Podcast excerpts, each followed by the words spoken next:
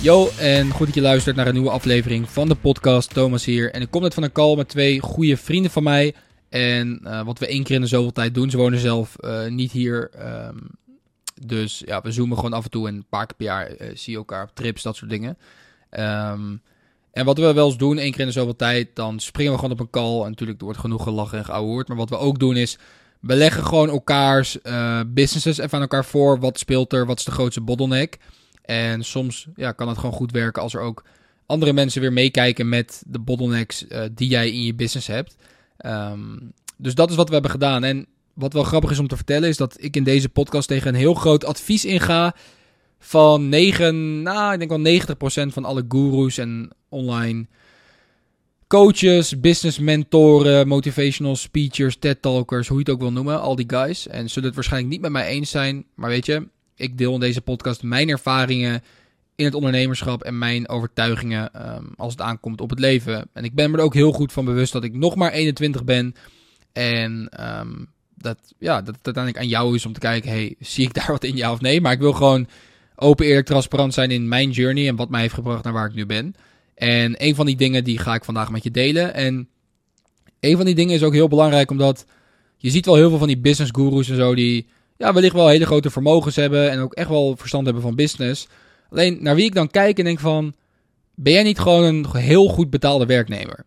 En wat bedoel ik daarmee? Ben jij niet gewoon een slaaf van je eigen business? En dan kan je 10 miljoen hebben, 100 miljoen of 300 miljoen of een, een biljardair. Maar je komt voor mij over alsof je er overal wel ja, verstand van hebt. Maar wil ik echt op veel plekken advies van je aannemen? Want leef je echt het leven wat ik wil leven? Wat is het groot verschil in, voor mij persoonlijk, in hey, hoeveel geld iemand heeft en wat voor leven iemand leeft. Want uiteindelijk ja, kan je miljoenen meenemen of honderden miljoenen meenemen um, je graf in, om het maar even plat te zeggen. Maar ja, is dat, is dat wat je wil? Ja, dan heb ik een legacy achtergelaten. Maar is, dat, is legacy alleen geld of is legacy ook een bepaalde impact en een bepaalde vibe die mensen um, herinneren van hé, hey, die, die Piet die had een hele goede energie of die heeft de wereld beter gemaakt of wat dan ook. Dus daar geloof ik ook heel erg in, dat het niet alleen gaat om, om geld, maar ook om ja, hoe je je leven leeft. Dus en wat veel van die gasten doen, die hebben superveel uh, financieel succes. Maar daarom zeg ik altijd van, het is goed om naar mensen te luisteren. Alleen, je hoeft niet van iedereen advies aan te nemen. En daarin is het ook heel belangrijk dat je selectief bent. En dat je kijkt naar een bepaald persoon. hey, leeft die persoon ook een beetje het leven wat ik zou willen leven? En natuurlijk, je kan ook advies aannemen van mensen die niet helemaal het leven willen wat jij wil leven. Maar uiteindelijk, als jij precies doet wat iemand zegt, ga je een beetje zo worden. Richting, richting die persoonlijkheid. En ja, als ik dan kijk naar dat soort guys die een soort van heel goed betaalde werknemer zijn geworden in hun eigen bedrijven, dan denk ik, ja, is dit echt wat ik wil? En ja, leuk wat je zegt, dit is misschien slim, dit ga ik wel implementeren. Maar dit, dit en dit ben ik het niet mee eens, want ik wil niet zoals jij eindigen. Dus dat is ook aan jou, dat is heel belangrijk. En dan zag ik even een kleine side story van het ding waar ik het echt over wil hebben. Dus we zaten in die call en um, nou, we hadden het gewoon over van alles. En op een gegeven moment ook een beetje over het verleden. En um, ja, weet je, business is gewoon Soms gaat het heel goed, soms gaat het even wat minder. Uiteindelijk, als je een goede ondernemer bent en je leert gewoon de skills vroeg, dan zal je uiteindelijk altijd weer het licht aan het eind van de tunnel zien. Maar het is, het is geen rechte journey. Het is niet van, oh, je hebt een baan voor 2k per maand en je verdient deze maand 2k per maand, volgende maand en voor de rest van je leven. En je krijgt misschien een keer een 30% salarisverhoging. Of ik denk dat dat wel heel veel trouwens is in één keer. Misschien een keer 10%. Niet weten dat de inflatie ook met 10% stijgt, dus dat je eigenlijk gewoon de lul bent. Um, maar weet je, je hebt gewoon ups en downs. En ja, dat, uh, dat, dat hoort erbij. En iedere ondernemer heeft dat. En dat maakt de game ook weer mooi. Dus daar hadden we het ook over. En een van de dingen die ik dus heel anders doe of heb gedaan dan uh, veel van, van die mensen die, die dat advies geven. Um, kijk, ik heb, ik, heb goede, ik, heb ik heb hele goede maanden gekend en goede jaren. En ik heb ook maanden gekend waar dingen even wat minder gingen. Weet je? En dat ik zou liegen als ik dat niet zou zeggen. Ik wil niet die guy zijn die hier in die podcast gaat doen dat bij mij altijd alles goed is gegaan. Nee. Ik wil je gewoon voorbereiden op de echte wereld. En ik leef een fantastisch leven. En ik ben enorm dankbaar. En ik heb enorm veel vrijheid. En beginnen met ondernemen en me daarin vastbijten is het, is het beste wat ik ooit heb gedaan. Maar ja, ik wil ook gewoon eerlijk zijn. Ik heb ook wel eens maanden gehad dat het gewoon even... Ging gewoon even wat minder. Zaten gewoon even wat dingen tegen. En daar ben je natuurlijk uiteindelijk weer uitgeklommen. Uh, maar ja, weet je, is wel part of the game. En ik had eigenlijk sinds dat ik, dat ik financieel vrij ben, dat soort dingen heb ik best wel een hoge um, levensstandaard voor mezelf. Omdat ik mezelf gewoon het beste gun. Dus wat bedoel ik daarmee?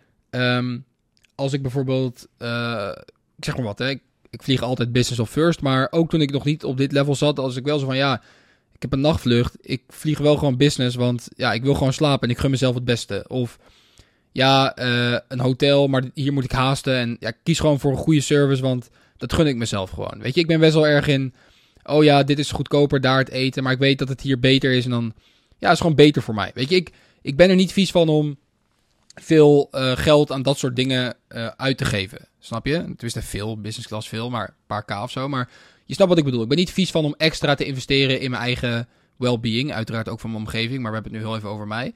En um, op een gegeven moment verhoog je standaard best wel erg. Kijk, als je op een gegeven moment een lifestyle hebt... en ik denk dat ik tegen die tijd misschien ja, 25.000 euro per maand uitgaf aan, uh, aan, aan lifestyle, zeg maar... Um, soms wat meer, soms wat minder. Een beetje rond die 25k destijds, een paar jaar geleden. En toen ging het daarna, um, dat was nog steeds een klein deel van mijn inkomen natuurlijk, want je wil niet 80% van je inkomen spenderen aan lifestyle, dat zou heel dom zijn, maar dat was tegen die tijd was het ook gewoon een, relatief klein deel van mijn, uh, van mijn inkomen die tijd. Uh, de profit die ik haalde uit mijn businesses en de dividenden die ik kon uitkeren. En um, ja, toen ging het daarna even een paar maanden iets minder. En wat heel veel mensen doen, is die gaan dan terugscalen op lifestyle. Dus je zijn gewend om in goede hotels of in goede appartementen te leven. En gewoon het duurste gymabonnement te nemen. Omdat dat gewoon chill is. Heb je een spa en zo erbij. En die gaan ineens.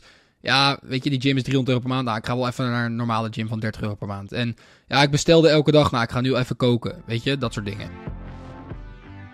Yo guys, heel kort. Als je bij jezelf nagaat hoe jij deze podcast hebt gevonden, is het waarschijnlijk iemand die erover heeft verteld, je het ergens voorbij zag komen of iemand het deelde op social media. Ik deel natuurlijk gratis al mijn verhalen, fouten en tips die ik de afgelopen jaren heb geleerd tijdens het ondernemerschap en het rondreizen van de wereld. De enige manier hoe deze podcast groeit is door mond op mond. Ik run dan ook geen advertenties of betaalde sponsorships op deze podcast. Mijn enige vraag is om in blijk van waardering deze podcast met iemand te delen. Dit kan zijn in de vorm van een aflevering door te sturen naar een vriend of de podcast te delen op social media. Ga het doen, het betekent heel veel voor me. En je krijgt een stukje goede karma, omdat je een andere Dream Chaser een handje verder helpt. Terug naar de podcast.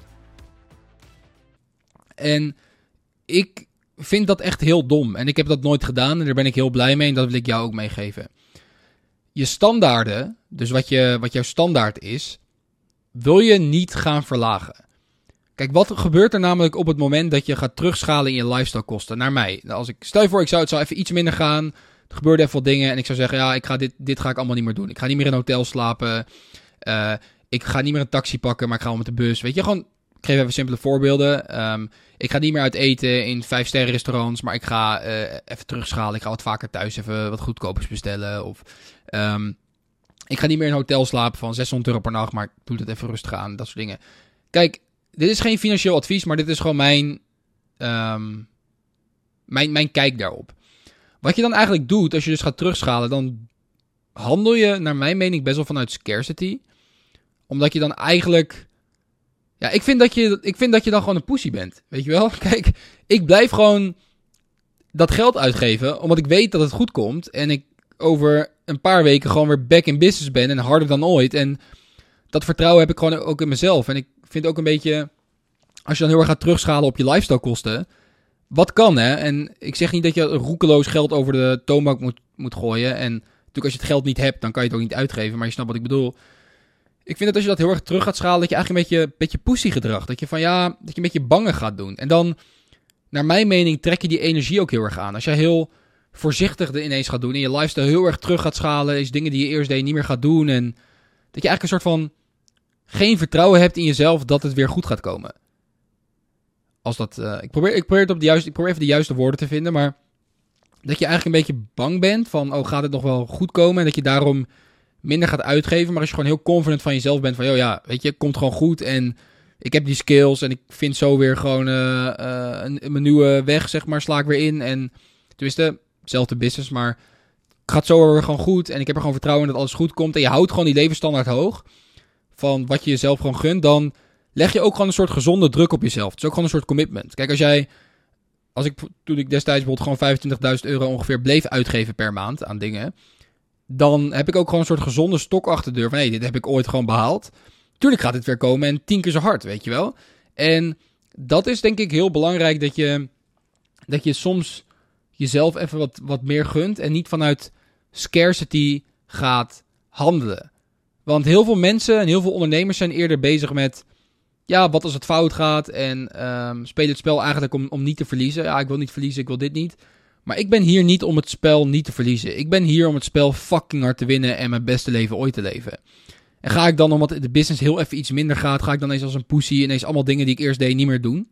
Ga ik dan vanuit scarcity handelen?